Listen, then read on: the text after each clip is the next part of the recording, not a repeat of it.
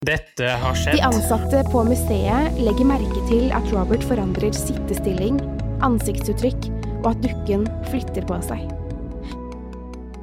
Generation X versus Z. Sandberg Productions presenterer Den ekte samtalen om og med generasjon X og Z. Hold deg fast og nyt. Hei, hei, kjære lytter, og hjertelig velkommen til eh, dagens episode av Generation X versus Z. Og i dag eh, så skal vi begynne på en liten serie. Det skal vi, Henrik. Hva handler den om, kjære kompan? Det er norsk historie, rett og slett. Eh, ja, og da litt mer spesifikt norsk kongehistorie. Yes. Og i dag så begynner jeg rett og slett med eh, Den norske kirkes grunnlegger. Fortell.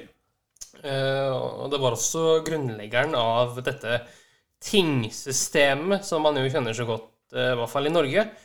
Eh, Kong Håkon den gode. Ja. Eh, sønn av Harald Hårfagre og bror til Eirik Blodøks. ja, litt av en slekt, må jeg si. Ja da. Han, Håkon han var jo da Norges tredje konge, i hvert fall i teorien. Ja. Eh, Det som gjorde at han ble konge, var også litt spesielt, var det ikke, egentlig? Altså, han, eh, han tok over brorens eh, Altså, broren forlot landet. Ja, han flykta, og så kom jo da han Håkon da, fra England og tok med seg visse ting over. Blant annet da kirken tok han med seg fra England til Norge, og da ble det grunnpilaren for det vi i dag kjenner som Den norske kirke. Hvilket Eh, år snakker vi, Henrik? Nei, vi snakker eh, 900-tallet også. 900-tallet? Ja. 930-tallet eh, ish. Det er noen år siden, da. Ja da. Det er eh, noen år siden. Eh, og så snakker vi jo liksom Vi har nevnt allerede, men dette tingsystemet som vi jo kjenner i dag, det er jo eh, til mye takket være kong Håkon den gode. Eh, og så vil jeg bare snakke litt om hvorfor han fikk eh, tilnavnet Den gode. Ja, hvorfor det egentlig? Fordi han Eirik Blodøks, altså broren, eh, han var jo glad i eh, øksa si, for å si det sånn. Ja, han var jo en kriger, han, vet du. Ja. Eh, og derfor så ville broren eh, gjøre det godt eh, for befolkningen. Eh, det var også han som eh, kom opp med denne eh, eh, bryggplikten, faktisk. Ja. Eh, som eh, var en realitet eh, i kanskje 200 år, 200-300 år i Norge.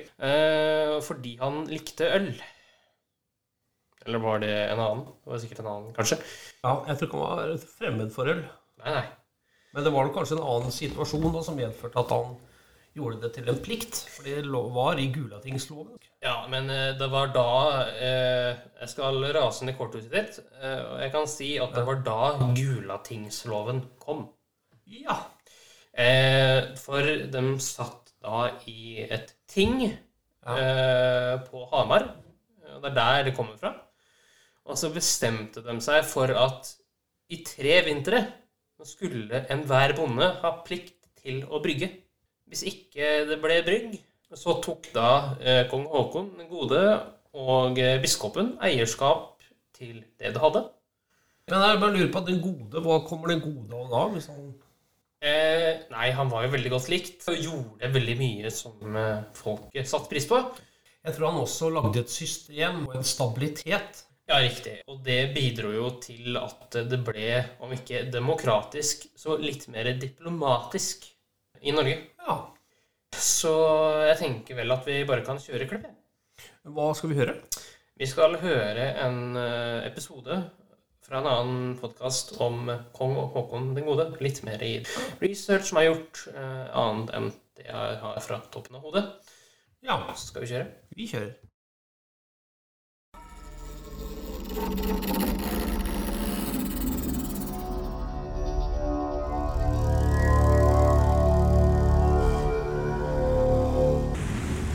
Det fosser foran baugen på et stort, flott vikingskip som seiler nordover langs vestlandskysten så fort det går an. Det stripete seilet i rødt og hvitt er fylt av vind og står i en bue. Forrest i skipet står en ung, vakker kvinne. Det lange håret blafrer rundt hodet hennes. Det er Frilla, elskerinna til Harald Hårfagre, Tora Mosterstong. Og hun Tora hun har det travelt. Hun er tung med barn, som de sa den gangen. Høygravid. Nå er det like før barnet kommer. Tora har et håp om å komme fram til kong Harald Hårfagre og føde ungen i kongens nærvær. Og kongen er på en av kongsgårdene sine på Seim i Nordhordland. Men da det blir for mørkt å seile videre, er de fortsatt milevis unna kongen. De legger til lands inne i Loddefjord, og Tora vakler seg opp på ei stor steinhelle som ligger der. Utpå natta høres ei dame som skriker i smerte, og etter en stund sped babygråt. Tora har født et lite guttebarn. Det er denne gutten som blir den tredje kongen av Norge. 40 år seinere dør han, på den samme steinen han ble født. I dag er et boligfelt der. Håkonshella heter det, i bydelen Laksevåg i Bergen, postnummer 5174. For en underlig begynnelse og slutt. På samme steinhella. Si meg, sto kong Haakon den gode stille i 40 år?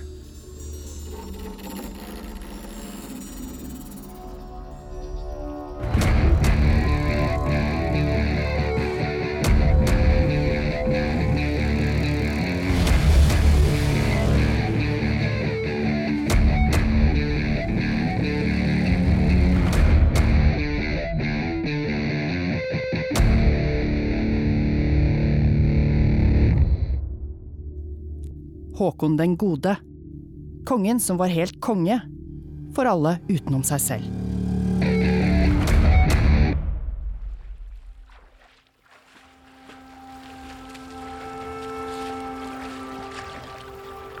Kong Harald Hårfagre var nesten 70 år gammel da han fikk en sønn med tjenestejenta si, Tora Mosterstong.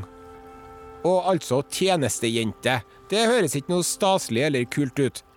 Men det var vanlig den gangen at fine folk fra fine familier gjorde tjeneste hos kongen.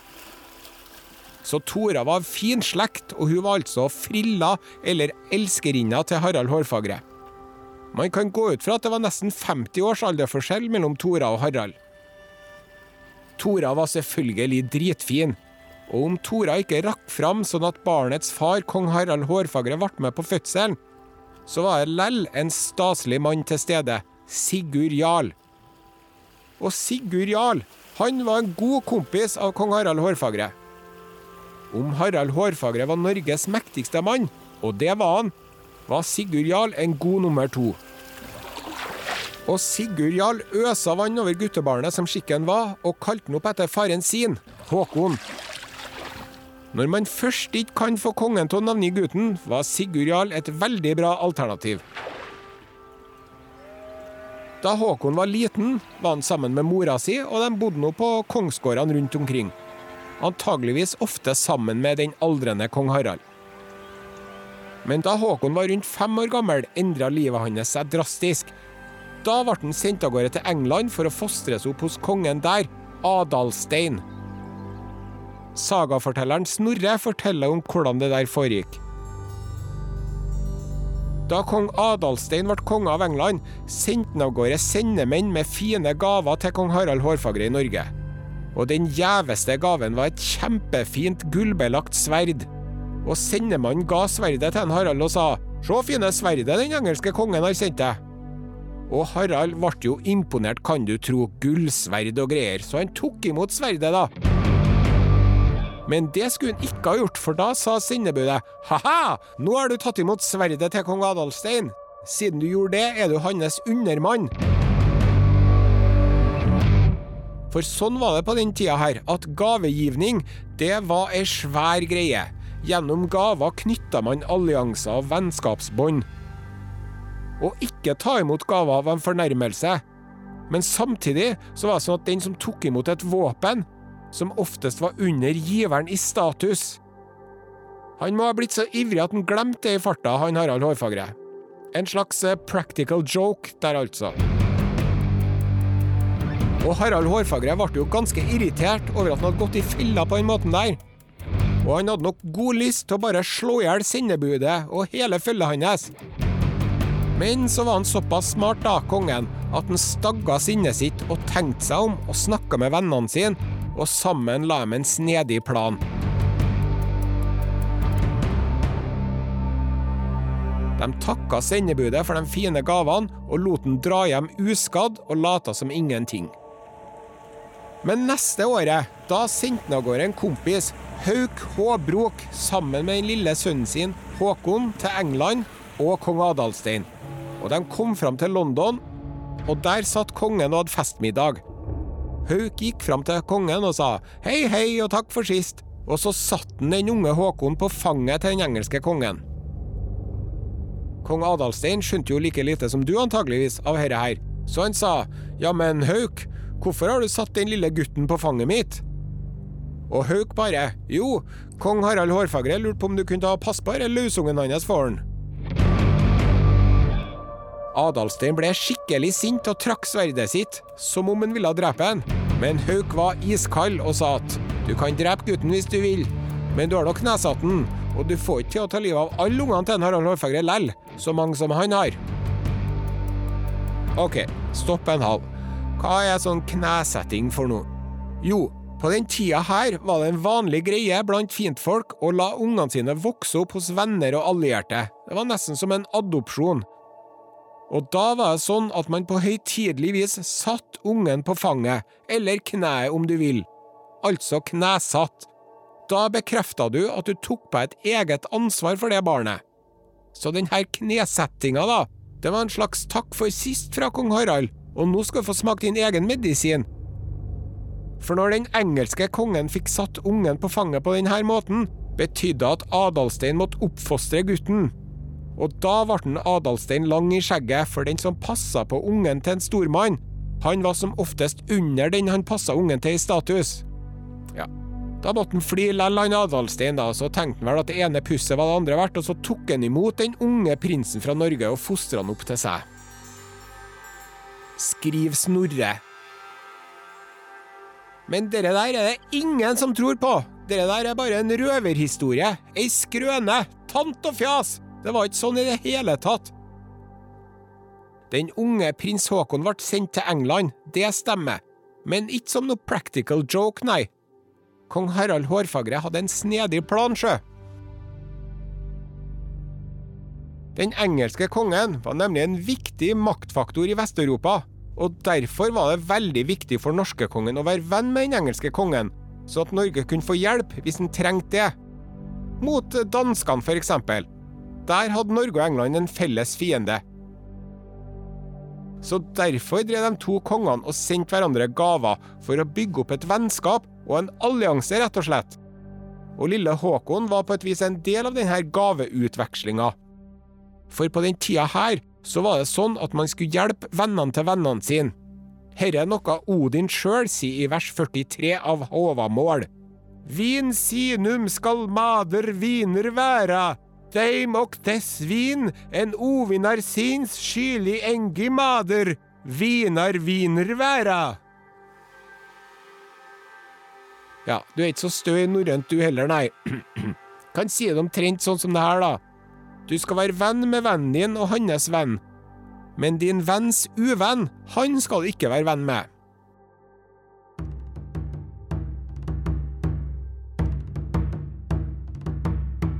Uansett, da Harald sendte gutten sin fra steinrisa opp i bakken til kongen av England, da fikk en Håkon en oppvekst som var veldig forskjellig fra alle brødrene sine.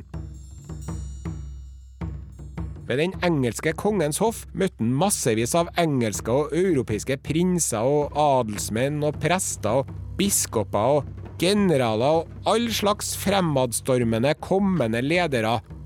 Her ble han annet venn med både den kommende kong Ludvig av Frankrike og kong Alain av Bretagne.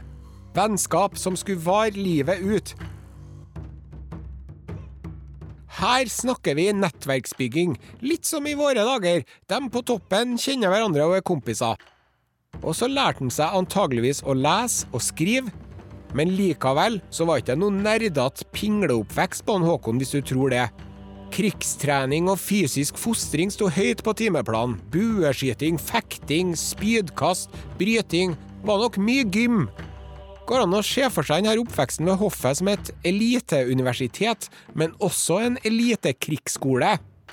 Så den unge Håkon fikk en variert, allsidig og den mest sofistikerte utdanninga en norsk prins kunne få på den tida der. Og Håkon var selvfølgelig både større og sterkere og vakrere enn noen annen mann. Klok og veltalende, men kanskje viktigst av alt. Han Håkon var en god kristen. På ordentlig. Han hadde selvfølgelig blitt døpt og opplært i den rette troa og hvordan man skulle oppføre seg i godt selskap.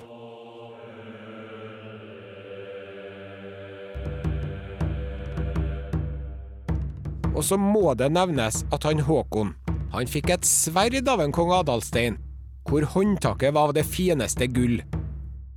Men lell så var ikke håndtaket som var det gjeveste ved det sverdet der. Det som var det gjeveste, det var at det sverdet der, det var så forbanna kvast sverd.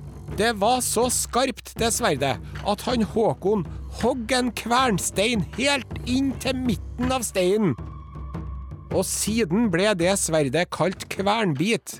Og de sier at det er det beste sverdet som noen gang har kommet til Norge. Et helt eh, spektakulært og enestående kult sverd, med andre ord. Et sverd du kunne ha lest om i Ringenes herre, omtrent.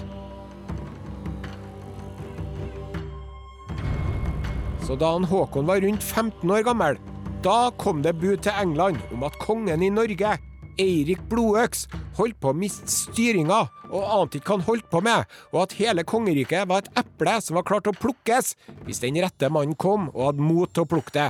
Og det var jo selvfølgelig Håkon. Historia om Håkon er nesten som en omvendt Tarzan-historie. Født blant ville aper, oppfostra blant mennesker. Men du vet at en Tarzan måtte tilbake til menneskene til slutt. Og en Håkon, han måtte tilbake til de usiviliserte halvapene oppe i det ville nord. Så Adalstein utrusta Håkon med skip og menn, og Håkon tok med seg verdens beste sverd, kvernbit, og la på vei nordover. Nå skulle han snatche kongeriket ut av hendene til halvbroren sin, Eirik Blodøks. Og på sikt så skulle han nok få kristna de usiviliserte villmennene som bodde der i tillegg.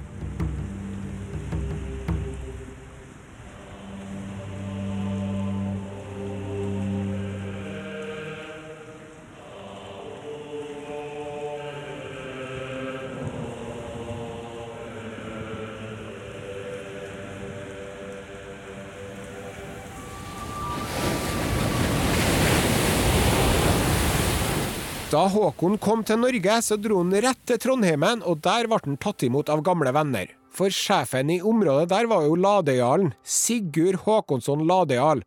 Og det var jo han som hadde tatt imot den Håkon da han kom til verden, og øsa vann over han, og kalte han opp etter faren sin. Sigurd Ladejarl var jo rett og slett en slags fadder til en Håkon. Flaks! Pluss at den syntes Erik Blodøks var en eh, dust. Dobbelt flaks. Dessuten var jo Sigurd Ladial Norges klokeste mann. Trippelflaks. Så dem to var en perfekt match, og det tok ikke lang tid før de slo seg i lag. Håkon lovte Sigurd stor makt om han, altså Håkon, klarte å bli konge, og Sigurd innkalt til et stort ting. Og på det tinget snakka han Sigurd om hvor utrolig kul og flink og herlig og smart og snill og grei Håkon var og hvor annerledes han var enn denne tosken Eirik Blodøks og denne trollete kjerringa hans. Og så holdt den Håkon en tale, og folk ble så imponert. De ble altså så imponert, og de likte det de så og hørte, og de sa til hverandre Han er så lik far sin! mm, han er så lik far sin! Det må jo være en Harald Hårfagre som har kommet tilbake og blitt ung igjen for andre gang, sa de. Og da Håkon var ferdig med talen sin, var det topp stemning og hele forsamlinga bare ropte og skreik at de ville ta han Håkon til konge, og så gjorde de det. De utropte han Håkon til konge over hele landet. Og så begynte ryktet å spre seg, og på Opplandene, som de kalte det, Indre Østlandet, Hamartraktene, der omkring, der sa de det må være en Harald Hårfagre som har kommet tilbake. Ja, bare at herre gangen så skal ikke han gjøre alt folket til treller. Nei, akkurat. Nå skal han gi oss tilbake de rettighetene Harald tok fra oss. Herre gikk veien. Så litt senere på høsten, da Håkon kom dit, til Opplandene, da ble han tatt til konge der òg. Og så for han ned til Viken, eller Østlandet, Oslofjorden som vi sier i dag. Og der òg var det topp stemning, og alle var klar til å backe Håkon mot den upopulære Eirik Blodøks. Altså, han Håkon, han må ha vært god til både å snakke for seg og lytte til folk. De sier at han var venn med alle. Og det her var jo dårlige nyheter for Eirik Blodøks. Han satt jo på Vestlandet og beit negler og så at hele maktgrunnlaget hans bare rant som sand mellom fingrene sine. For Håkon samla sammen en stor hær og masse skip og greier. Og så skjønte tydeligvis Eirik Blodøks at dette gikk åt skogen. For han bare pakka sammen pikkpakket sitt og tok med seg kjerring og unger og for. Uten kamp. Og kom aldri tilbake igjen. Game over for Eirik Blodøks. Og da, når Eirik hadde stukket av, da var det ganske lett match for Håkon å legge under seg hele Norge.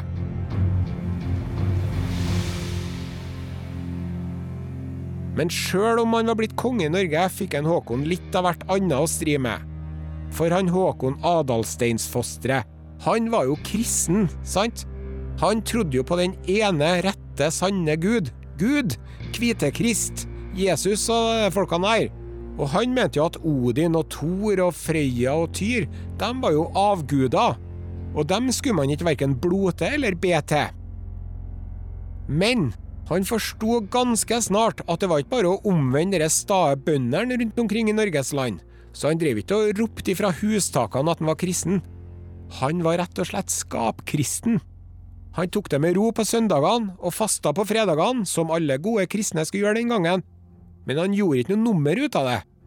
Og så hadde han en plan om at når han hadde fått lagt hele landet under seg, og følte at han satt trygt i sadelen, for å si det sånn, da skulle det kristnes.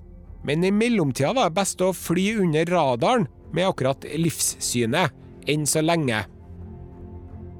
Men han starta med å prøve å kristne kompisene sine, da. Og siden han var så kul og grei, så var det mange av dem som lot seg døpe. Og så var det noen som ikke ville døpe seg, men de kunne være med på å slutte å blote. Og blote, det var jo da å ofre til og tilbe de gamle gudene Odin og Thor og dem. Fikk litt sånn lunken mottagelse, det kristenbudskapet til Håkon. Men han var ved godt mot, og etter hvert mente han at nå var det på tide å få opp noen misjonærer fra England, så han fikk sendt oppover en biskop og noen prester. Og så ga kongen beskjed til hele landet om at nå skal det kristnes. Og til det så svarte møringene og romsdalingene at vi gjør sånn som trønderne gjør. Så da kalte Håkon inn alle trønderne til ting og sa at nå skal det kristnes her.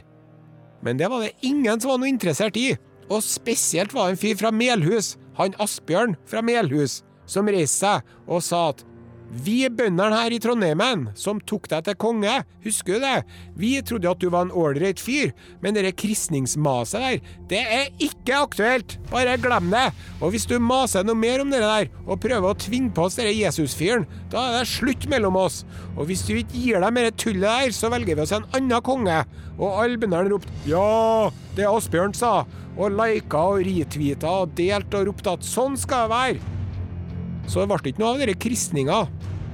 Og gud vet hvordan det kunne ha gått hvis ikke Sigurd Jarl hadde steppa opp og sagt Slapp av, her er en gigantisk misforståelse, kongen er da kul sjø, han vil være venner med dere og bli enig med dere. Og da sa bøndene ok, greit, men da må han bli med oss og blote, sånn som faren hans gjorde. Da er det greit. Og Sigurd fikk overtalt Håkon til litt sånn motvillig å gå med på det. Og når det gjaldt bloting, da, da var han Sigurd Jarl rett og slett en ekspert. Han Sigurd Jarl, som var kongens mann og fadder, og den klokeste mannen i Norge, og en veldig mektig mann i tillegg, han var ikke den av kongens venner som hadde latt seg døpe, eller slutte å blote. Han Sigurd, han var rå på bloting. Man kan si at en Sigurd Jarl, han var bloter med stor B. Han Sigurd, han dreiv flere ganger i året og inviterte blotgilde, altså blodsfest, blotparty. Og da var det sånn at alle bøndene som kom, skulle ha med seg øl. Og så stilte han Sigurd med blod. Og han Sigurd, han drev og slakta sauer og geiter og hester med, og så samla de opp alt blodet i svære blodfat, eller blodkar. Og så for de inn i hovet, som det het, gudshuset, og skvetta blod overalt. Over veggene og gudefigurene og stolpene gudefigurene sto på, så skvetta de blod over alle folkene som var her. Grisete opplegg. Og så kokte de alt kjøttet og åt det, og så drakk de øl og skåla for Odin. Og så drakk de øl og skåla for kongen. Og så drakk de og skåla for Njord og Frøy og År og Fred, og noen skåla og drakk for Brage, og så skåla de og drakk for døde slektninger. Og så for de antageligvis da hjem og vaska av seg blodet etterpå, ut av ørene og håret og halsen og nakken og greier, for som sagt, det var sikkert blod overalt. Og jeg bare ser for meg hva han Håkon tenkte om det her, som var vant til sakral kristen korsang og røkelse og talglys og ja, kulturkrasj. Hittil hadde Håkon klart å lure seg unna deltakelse i blodtinga. Han hadde brukt å få mat i et lite hus for seg sjøl, sammen med kompisene sine. Og jeg tror ikke de drev og skvetter blod overalt, for å det på den måten. Men første vinterdag, da skulle det være blodparty i regi av Sigurd Jarl igjen. På Lade i Trondheim. Og hvis han Håkon trodde han skulle lure seg unna og sitte og kule han med et glass vin og gode venner mens disse tullingene inni hovet drev og skvetta blod overalt, da tok han feil. For da begynte bøndene å klage over at kongen satt for seg sjøl og ikke var med på blodfesten. Han hadde jo sagt han skulle være med og blote. Og så ble det til at han ble med på det, da. Og da de hadde spruta blod overalt, inkludert den hvite yndlingssilkeskjorta til Håkon som han hadde hatt med seg helt fra England, ser jeg for meg. Mulig jeg ble litt revet med nå, men jeg tror nå det. Da skulle de ta den første skåren for Odin. Og da tok en Sigurd drikkehornet og signa det i Odins navn og ga det til kongen. Som gjorde korsets tegn over drikkehornet, ja. Og da var det en mann som het Kåre fra Grytting inne i Orkdalen. Han sa Hei, hva er det kongen gjør nå? Dere der, her lukter det muffins, sa han Kåre fra Grytting. Men Sigurd Jarl, denne luringen, han sa slapp av, Kåre, ser du ikke at Håkon signa hornet i Tors navn? Han gjorde ikke korsets tegn, hvis du tror det. Nei da, det var hammertegnet, dere der. Og så gikk det greit den dagen. Men neste dag, da skulle de til å spise. Og da begynte bøndene å mase om at kongen også skulle spise hest. For det drev de og gjorde, de som trodde på Odin og Thor, nemlig. De elska hest. Hest er best, sa de. Mens gode kristne, de syntes at hest var heslig, og det skulle man ikke spise. Så Håkon bare 'Jeg skal ikke spise hest'. Og så sa de 'Ja, men da må han smake på suppa'. Men Håkon var likest da 'Jeg skal ikke spise noe hestesuppe'. Og så sa bøndene hvis du ikke vil spise hest, og ikke smake på hestesuppe, da skal du i hvert fall smake på suppefettet. Og Håkon bare 'Glem it.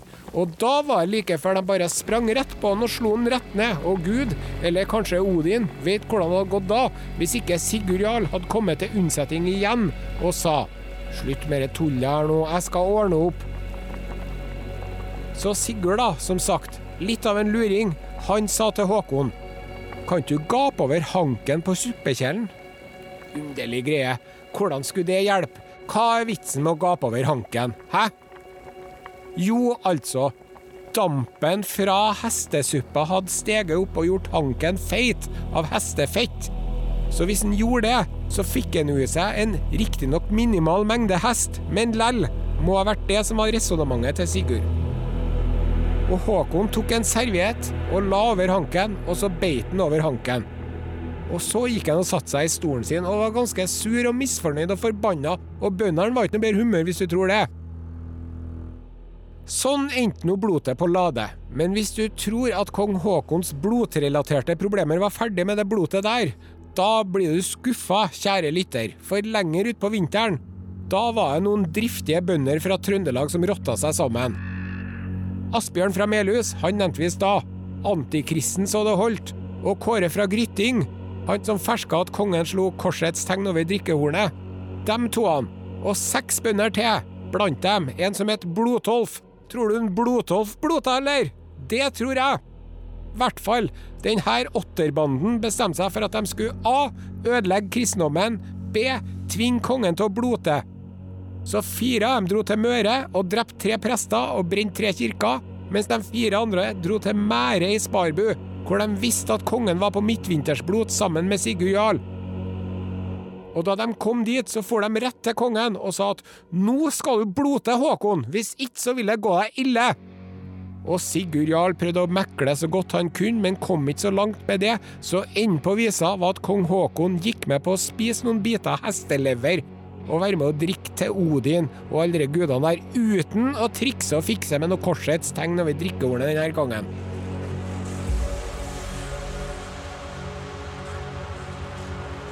Stakkars Håkon. Kjente dere feite hesteleveren skli over halsen, og det ville opp. Og han brakk seg nesten, men han klarte å presse i seg hesligheta. Men så snart det gjestebudet der var over, da for kongen og jarlen rett til lade, og han Håkon, han var ikke fornøyd. Han var tvert imot meget misfornøyd, og han sa nå drar jeg fra Trondheimen, men neste gang jeg kommer tilbake hit, da skal jeg komme mannsterk, altså med masse menn, og da skal de få igjen dere forbaska trønderne, de kan bare vente seg. Og han Sigurd Jarl han sa ja, men snille Håkon, du må ikke begynne å kødde med trønderne nå, for det er jo der hele maktsenteret ditt ligger, nå må du tenke deg om, du kan ikke gjøre det, Håkon. Og det hadde Sigurd rett i. Sånn var det på den tida. Hvis du skulle være konge i Norge, da måtte du ha med trønderne, rett og slett. Men han Håkon, han var så sint. Det kom røyk ut av både nesebor og ørene hans, og han gulpa hestelever ennå, og den heslige smaken satt i halsen hans. Og det var ikke bare smaken som var heslig, det her var jo en åndelig krise. Da han spiste denne leveren, svikta han Håkon troa si og guden sin og alle sine idealer. Var nesten som han hadde solgt sjela si. Så han sa at vi skal nå se på det, nå drar jeg! Og så for han til Møre, og der satt han vinteren og våren med, men utover våren, da samla han sammen en stor hær. Og som sagt, nå kunne de vente seg, Asbjørn fra Melhus og Kåre fra Grytting og Blodtolf og alle de andre blodterne. Nå skulle hun ta dem og knekke dem som om de var lus. Men her er det altså at dronning Gunhild kommer tilbake i historien. Og Gunhild, det var nå enka etter Eirik Blodøks, som hadde dødd nede i England i mellomtiden. Og nå hadde hun bestemt seg for at sønnene hennes de skulle bli konger i Norge. Og akkurat idet kong Haakon og alle mennene hans hadde gått om bord i båtene for å dra til Trøndelag og hevne seg og herje i vei, da kom det bud fra sør i landet om at Eirikssønnene, eller Gunhildsønnene om du vil, hadde kommet sør fra Danmark og herja i Viken og jaga bort Håkons underkonge, Trygve Olavsson, og nå kontrollerte de Oslofjorden. Da ble det brå endring av planene. Nå var trønderne plutselig ikke ondsinna fiender som skulle straffes og herjes med. Nå var trønderne trofaste undersåtter og allierte i kampen mot en ytre fiende. Så Håkon sendte bud til Sigurd Jarl, som i kortform sa 'hjelp meg'. Og Sigurd Jarl og mange andre høvdinger fra Trøndelag kom, deriblant Asbjørn og Kåre og Blodtolf. Og nå var det mas om lever og grytehanker og skåling. Det var bygons. Og nå var de venner alle sammen, og sammen dro de sørover og sloss med Eirikssønnene. Ikke noe som er så samlende som en felles ytre fiende. De to hærene møttes ved Avaldsnes på Karmøy. Kong Haakon og trønderne på den ene sida. Eirikssønnene leda av eldstebror Guttorm Eiriksson på den andre, og det var et stort slag. Og det er fort gjort, når man tenker på Håkon, kristne kong Håkon, å se for seg en snill, myk, busserullkledd, gladkristen Tensing-softing, men da tar du feil. Håkon Adalsteinsfostre var en skikkelig badass vikingkriger som kunne å håndtere et sverd. Husker du at han hadde et fenomenalt sverd som et kvernbit? Det hadde han. Og så hadde han gullhjelm og gullbrynje. Men ofte ble han så ivrig i kampens hete at han heiv fra seg både brynje og hjelm. Og Håkon bare hogg ned folk for fote. Og da Guttorm, som var leder for fienderen, falt, da stakk de, de gjenlevende Eirikssønnene og mennene deres, og for i båtene og rodde sørover, og Håkon etter. Men så stakk de til havs, Eirikssønnene, og for til Danmark og gjemte seg bak skjørtekantene til kong Harald Blåtann i Danmark. Så dro kong Håkon tilbake til Norge, og Eirikssønnene holdt seg i Danmark i lang tid, står det i sagaen. Og etter det ble det ikke noe mer snakk om at en Håkon skulle hevne seg på trønderne som hadde tvunget han til å blote til de gamle gudene og spise lever. Sjøl om en Håkon nok aldri glemte det helt, og gremtes fælt over det der på privaten. Nå fulgte en lang periode med relativ fred og ro i landet. Eirikssønnene holdt seg for det meste i Danmark. Når de ikke gjorde det, så for de og herja viking borti Austerveg, dvs. Si landene i Østersjøen. Av og til herja de riktignok i Norge òg, men det var litt sånn småskala. Så kong Haakon fikk tid og anledning til å konsentrere seg om styring av landet. Og da lå han ikke på latsida, det kan jeg fortelle deg, no sir! Han var om seg. Og ikke nok med det, han var heldig med været i tillegg. Og det hadde mer å si enn man skulle tro, for det at det var godt vær, det førte til gode avlinger, hvilket betydde nok mat og overskudd til folk flest.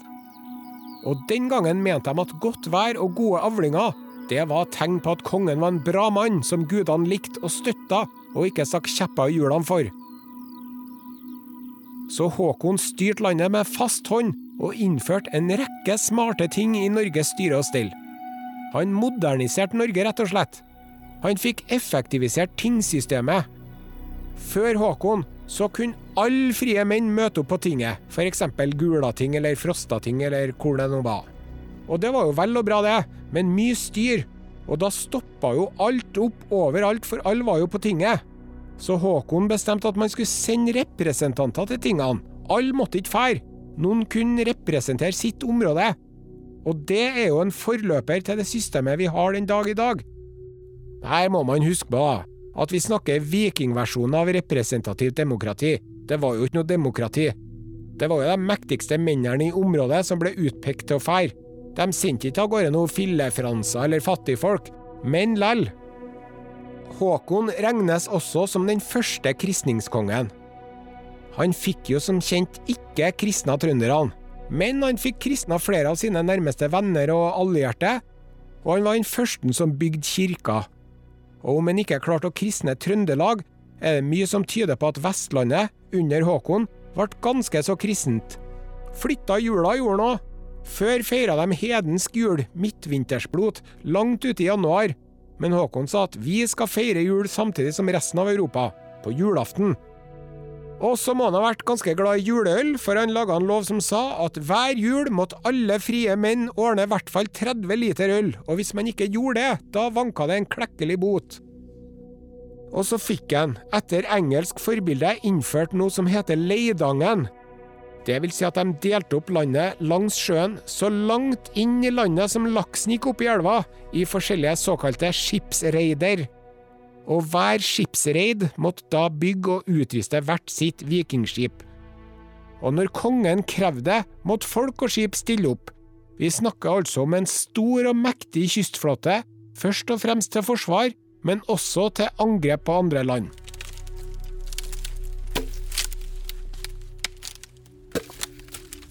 En annen ting han Håkon innførte, var et varslingssystem med veter eller varder som gikk ut på at på fjelltopper og andre sånne godt synlige steder da, skulle man sette opp masse tømmerstokker med kvist og tørr ved inni. Og ved de vardene skulle det være årvåkne, og ikke minst våkne, vakter som fulgte med. Og hvis de så at det kom fiendeskip, eller at en annen varde brant, da gjaldt det å tenne på fort som svint. Nesten 800 steder har fremdeles hvete i navnet sitt. Vettakollen i Oslo, Vottakammen i Trondheim, Vetanåsi i Lærdal. Så det sier litt om omfanget, da.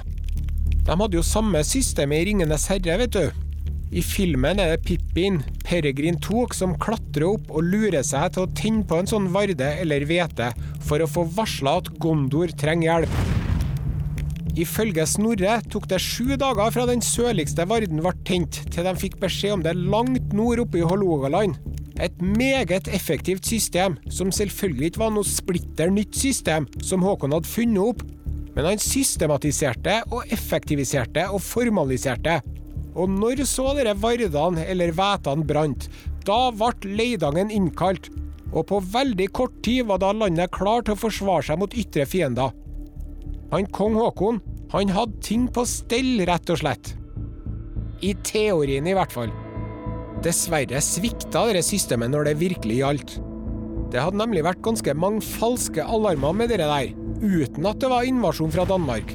Kanskje det bare var noen båter som drev med litt sånn lett småherjing utaskjærs, liksom.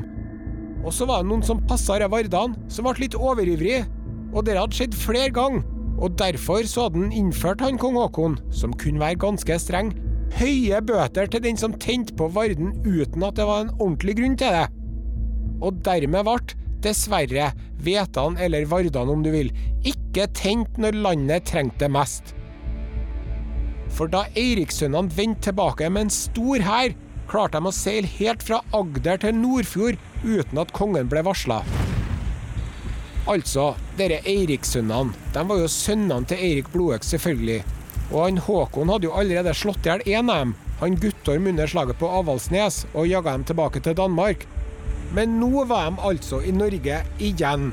Og pga. at dette geniale, nyskapende, innovative vardesystemet til kongen hadde svikta, var det en bug, var det et virus, eller var det rett og slett menneskelig svikt? Uansett så kom de veldig brått på. Kong Haakon satt på Frei på Nordmøre og kula egget, og så fikk han beskjed om at nå er Eirikssønnene her, og de er mange. De har med seg en svær hær av dansker, herre konge, og hva skal de gjøre nå? Tja, svarte Håkon og klødde seg i skjegget og var sannelig ikke helt sikker.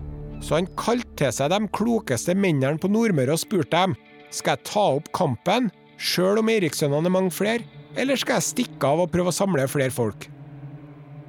Og da var det at en mann som het for Egil Ulserk reiste seg og kremta og tok ordet. Og han Egil Ulserk, han var blitt fælt gammel, men en gang hadde han vært større og sterkere enn noen andre, og en svær krigsmann. Og han hadde vært en av Harald Hårfagres fanemenn. Og han Egil Ullserk, han sa at Jeg kjempa sammen med faren din, han Harald Hårfagre, mange en gang. Og noen ganger sloss han med hærer som var større enn seg. Og noen ganger sloss han med hærer som var mindre enn seg, og han vant nå alltid. Og aldri hørte jeg at en Harald spurte folkene sine om råd om en skulle flykte fra fienden eller ikke. Og da bestemte han seg, han Håkon, for at han skulle slåss han òg, med de mennene han hadde, og så fikk det gå som det går. Og da sa han gamle Egil Ulsterk at nå har det vært fred så lenge at jeg ble redd for at jeg skulle dø av alderdom oppi senga mi, enn jeg heller ville følge høvdingen min og dø i strid. Og har jeg flaks nå, så kan det gå sånn fortsatt. Ja, så jeg vet ikke hvor lurt av en Håkon det der var, for han Egil Ulserk, han hadde jo åpenbart et dødsønske. Han vil jo dø i kamp, sånn at han kommer til Valhall og kan slåss og drikke gjennom evigheten. Men hvis man var så uheldig å dø i senga, som han Egil frykta, da kom han til Hel. En våt, kald, utrivelig, trekkfull, kjip plass. Så jeg kan godt forstå han Egil Ulserk, det er ikke det. Jeg veit bare ikke om jeg ville brukt den som en militær rådgiver. I hvert fall så møttes de to hærene ved Rastarkalv, rett attmed der både skolen og kirka på Frei ligger i dag. Der braka de sammen, Håkons lille norske hær og Eirikssønnene med sin store danske hær.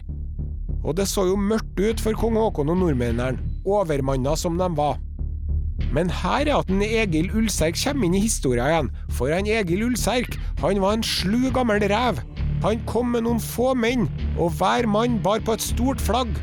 Og så for de bortover bakom en bakketopp, så at Eirikssønnene og danskene ikke så at det bare var ti karer med hvert sitt flagg. Og danskene de tenkte at nå kommer det en kjempestor hær. Så da fikk jo de panikk og begynte å springe mot båtene sine, og det skal man visst aldri gjøre i et slag, for da ble det veldig lett for nordmennene, selv om de var mange færre, å hugge dem rett ned bakfra. Ja, og så var det litt fram og tilbake etter det, men han Egil Ulserk hadde ordna biffen for kong Haakon, og lurt danskene med den smarte finten sin, og Håkon og mennene hans gikk hardt på, og Håkon hadde fremdeles verdens beste sverd, kvernbit. Og Kvernbit fikk bitt fra seg den dagen. Og Håkon bare dreiv danskene foran seg og hugde dem ned én etter én. Og enkelte bare hoppa utfor bergkanten for ikke å bli kappa opp av kongen. Så da gikk det med Eirikssønnene sånn som det gikk sist de prøvde seg. De måtte bare stikke av og sprang mot båtene sine og for av gårde til Danmark. Og da slaget var over, lå det enda en gang en Eirikssønn igjen på stranda. Det var han gamle Eiriksson som døde denne gangen. Og også gamle Egil Ulserk fikk viljen sin. Han falt i slag, og spør du meg, så sitter Egil Ulserk i Valhall den dag i dag og drikker øl og spiser flesk og svinger øksa si inn i evigheten.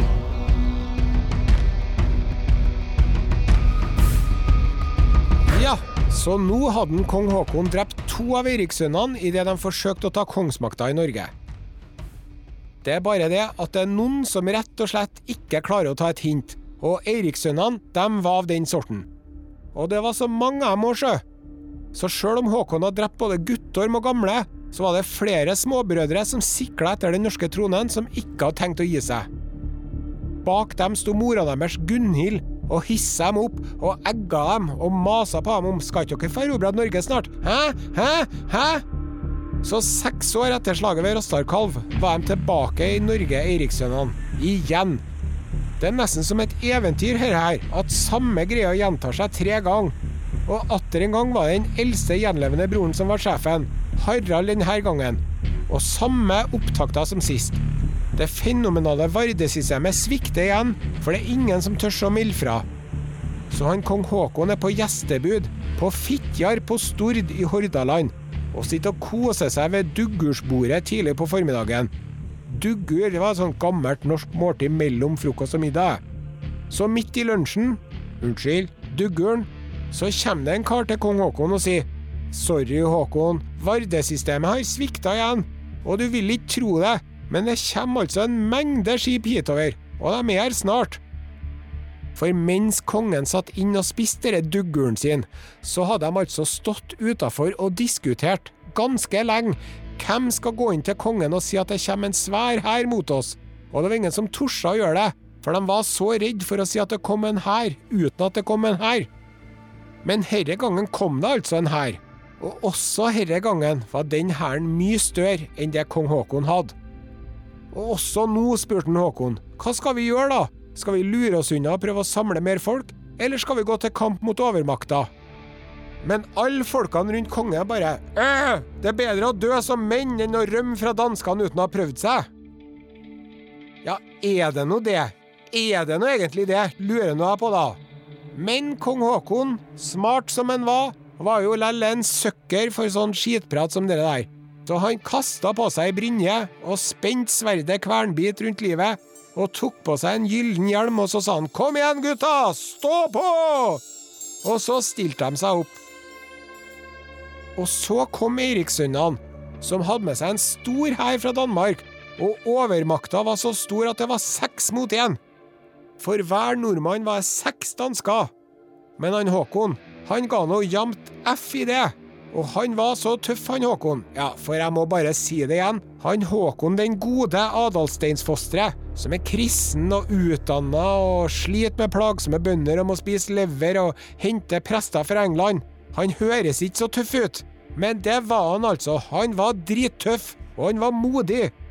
Og bare for å understreke det, så heiv han av seg den gylne ringbrynja si, og han sto der og veiva rundt seg med sverd og spyd, og folk lå døde i hauger rundt den, og han var lett å kjenne igjen, for han var en stor og flott kar, og dessuten så skinte sola i den gylne hjelmen hans, så det var mange våpen som ble retta mot den Håkon.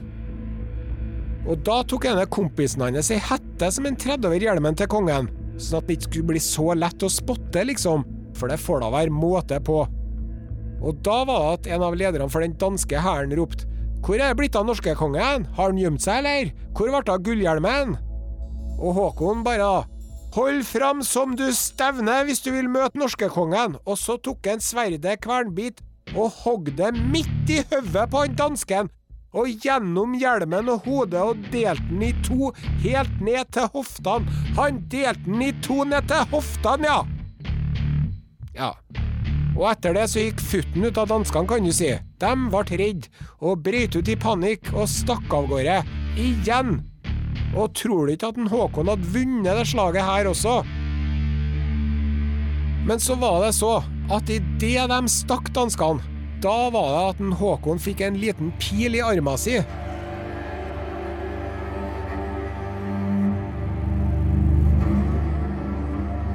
Men han lot seg ikke affisere noe nærmere av det, og jagde av gårde Eirikssønnene og danskene igjen. Og kong Haakon Han som kunne så mye og visste så mye rart og var så klok og veltalende. Han som var så stor og sterk og vakker. Han fikk nå bandasjert denne armen si. Men denne pila, vet du, den hadde sånne heslige, ekle mottaker, så de fikk ikke såret til å slutte å blø. Og utover dagen ble kongen svakere og svakere. Og så sa han, nå drar vi mot gården min på Alrekstad i Bergen. Han sa jo ikke Bergen, da, for Bergen var ikke Bergen ennå, men du skjønner hva jeg mener. Og de for nå dit, nordover. Men da de kom til Håkonshella, ikke så langt unna, da skjønte de at kongen var døden nær. Så de la til lands, ved Håkonshella, den samme steinen hvor kongen hadde blitt født 43 år tidligere. Og da kalte kongen på vennene sine og sa at 'jeg har jo ikke noen sønner sjøl'. Han Håkon han hadde overraskende få unger, egentlig, til å være konge på den tida. Man vet bare om ei datter som han hadde. Hvorfor hadde ikke han flere unger, si meg? Usedvanlig lite damehistorie på den kongen der. Kanskje fordi han var så kristen? Hvem vet? I hvert fall så sa han Håkon på dødsleiet at dere får sende bud til Eirikssønnene og si at nå skal de få være konger i landet. Men da må de love å være snille mot mine venner og mine frender. Og så sa han Håkon, men hvis jeg nå ved et mirakel skulle få leve, da, så vil ikke jeg være konge her i Norge noe mer. jeg. Da vil jeg dra til der det finnes kristne mennesker, og bøte på at jeg har forbrutt meg mot Gud.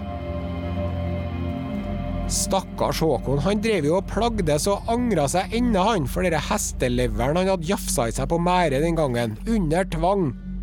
Og likens at han hadde skåla for Odin, og Frøy og Njord og Han følte at han hadde svikta både Gud og Jesus. Og så sa han Håkon, og om jeg nå dør her, da, i hedensk land, da samme for meg, dere får nå bare begrave meg sånn som dere sjøl syns passer. Og så døde han.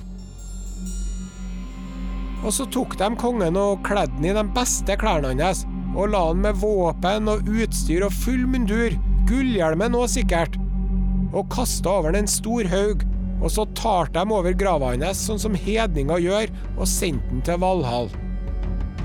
Og veit du, jeg tror at Egil Ulserk og Eirik Blodøks og mange andre barske vikinger, de tror jeg trives i Valhall og syns at det er helt perfekt å være der. Men jeg tror ikke en Håkon Adalsteinsfosteret, hvis han havna der, så tror jeg at han føler seg litt ensom. ass.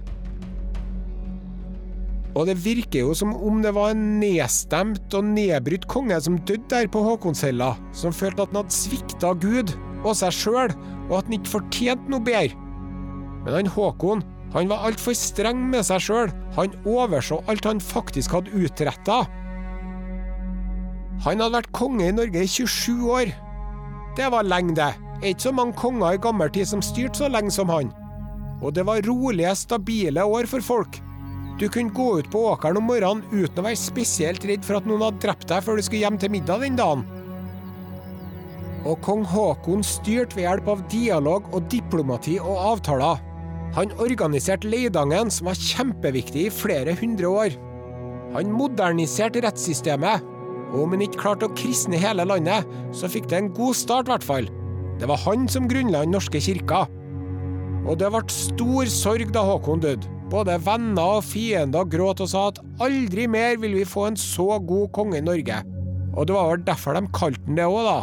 Håkon den gode.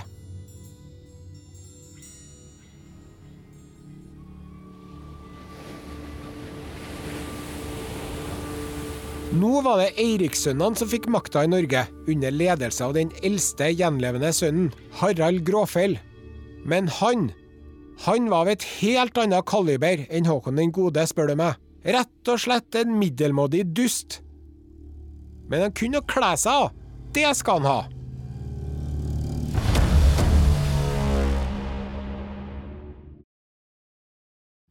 Ja, det må jeg si. Litt av en historie. Ja da, og det var eh, kongerekka med Are Sende Osen. Så kjempebra. Dette var både eh, veldig interessant å høre på, og, og veldig informativt og artig, ja. ikke minst. Mm. Så tusen takk skal du ha, Henrik. Bare hyggelig. Vi er ikke ferdig. Vi er ikke ferdig.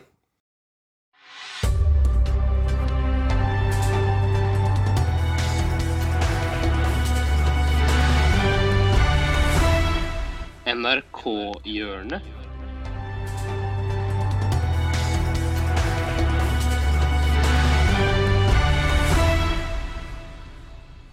Ja da. Ja, vær så god, kjære sønn. Nå skal vi til noe som kalles for inspirational quotes. Og det er, som navnet antyder, sitater som skal inspirere. Ja, Eh, så skal jeg kjøre klipp? kjør klipp, men kunne jeg kalle deg Henrik den gode? Nei. Fenriken, en eh, motivational quote-generator, er eh, det vi skal spille da. Ja, jeg har skrevet en halv setning. Du skal fullføre, og så skal okay. vi se om det blir en quote. Dette er lavterskel, så Ja. dette kan gå alle veier. Det må vi være helt ærlige på. Når gresset er brunt, er Skapet tomt. Det er når man ikke får puste, man skjønner at Luft skulle vært også solgt i flaske. kun når man er redd, kan man Kjenne på det som er ekte. Oi, den var jo fin. Oi, shit. Det er ikke aktiviteten råning vi er ute etter. Det er Lukten gummi. Når du kjenner rifla i hånda gresset på føttene, må man huske At man ikke har sandaler på. kjærlighet er som en tanks. Det bare skal fram. Nei, men det er eh, ja, Det var noen der som fikk meg til å tenke, altså, Geir. Så bra. Ja, jeg synes